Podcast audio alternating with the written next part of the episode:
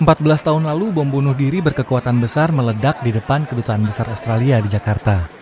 Polisi sempat kesulitan mencari identitas pelaku bom bunuh diri.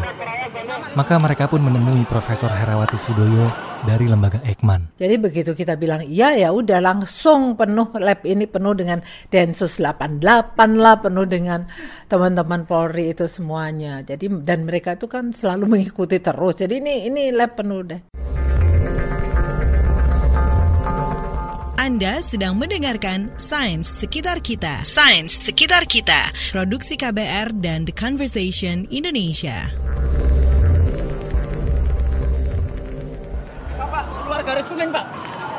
Di tengah kekacauan Jakarta, Profesor Herawati Sudoyo punya tugas berat.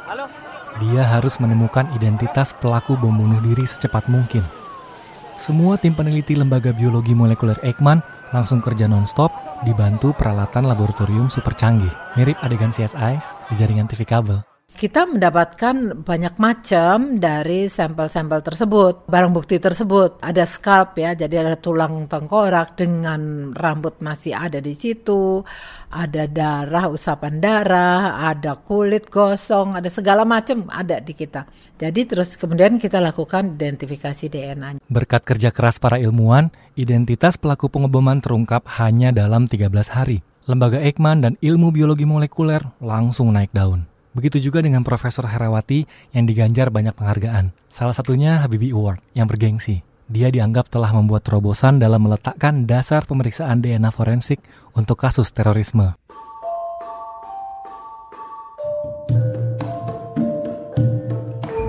Herawati lahir dan besar di tengah keluarga terdidik di Pare, sebuah kecamatan kecil di Jawa Timur.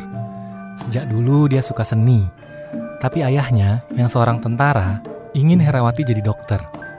Meski berat, dia ikuti kemauan sang ayah dan masuk Fakultas Kedokteran Universitas Indonesia pada 1971. Ada beberapa profesi yang disukai oleh orang tua. Pertama dokter, kedua insinyur. Di luar itu bukan apa-apa. Dan yang saya tuju itu misalnya akademi tekstil, akademi lanskap. Saya pengen jadi arsitek. Jadi semua-semua yang saya tahu itu berurusan dengan keindahan dokter pada waktu itu saya, saya tidak begitu tertarik. Di Universitas Indonesia, Herawati mendapat gelar dokter sekaligus bertemu pasangan hidupnya. Dia jatuh hati dengan teman kuliahnya Arus Sudoyo dan memutuskan menikah ketika mereka masih mahasiswa di tahun kedua. Setelah lulus, Aru pun kemudian berkarir sebagai dokter, sementara Herawati melanjutkan kuliah sambil mengurus anak-anak. Dan saya ingin bahwa saya ada pada waktu anak-anak saya itu berkembang dan menjadi besar. Jadi saya berpikir, oke, okay, oke okay, suami saya nantinya akan menjadi seorang klinisi, tapi saya akan bekerja di yang namanya preklinik. Jadi saya kemudian melamar untuk menjadi staf pengajar di Fakultas Kedokteran UI di bagian biologi. Di tengah jalan Herawati merasa butuh tantangan baru. Kebetulan, senior dia di kampus, Profesor Sangkot Marzuki, sedang mencari mahasiswa Indonesia yang mau belajar cabang ilmu baru bernama biologi molekuler. Maka terbukalah peluang Herawati belajar ilmu baru ini di Monash University, Australia. Pada waktu itu tidak banyak mahasiswa Asia yang diterima di universitas-universitas di Australia. Dan apabila pun ada, mereka itu sudah melalui suatu seleksi yang sangat ketat. Prof. Sangkot melalui kontak-kontaknya itu melakukan suatu perjalanan untuk mencari kandidat mahasiswa. Dan dari uh, interview yang dilakukan secara sangat-sangat informal, maka saya terpilih diterima sebagai mahasiswanya. Biologi molekuler langsung memikat hati Herawati.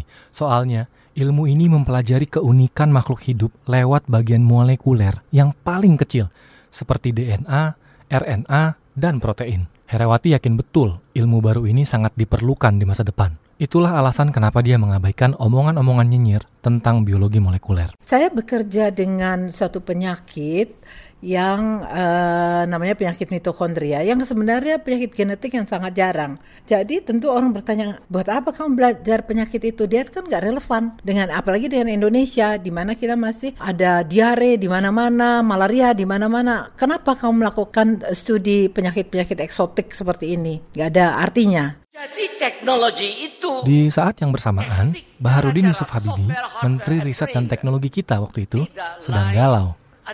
Soalnya Singapura baru membangun sebuah pusat penelitian biologi molekuler yang super canggih. Nggak mau ketinggalan, Habibi pun langsung berinisiatif mendirikan lembaga penelitian biologi molekuler di Indonesia. Cari orang Indonesia untuk membangun suatu lembaga penelitian biologi molekul. Ada beberapa kandidat tapi akhirnya Prof. Sangkot.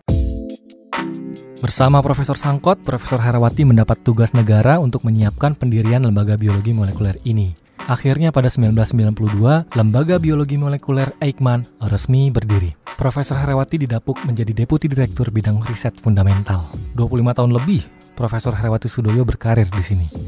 Dia bertekad akan terus membongkar keindahan rahasia terkecil makhluk hidup, menjelajah dari DNA ke DNA. Sains sekitar kita. Sains sekitar kita. Produksi KBR dan The Conversation Indonesia.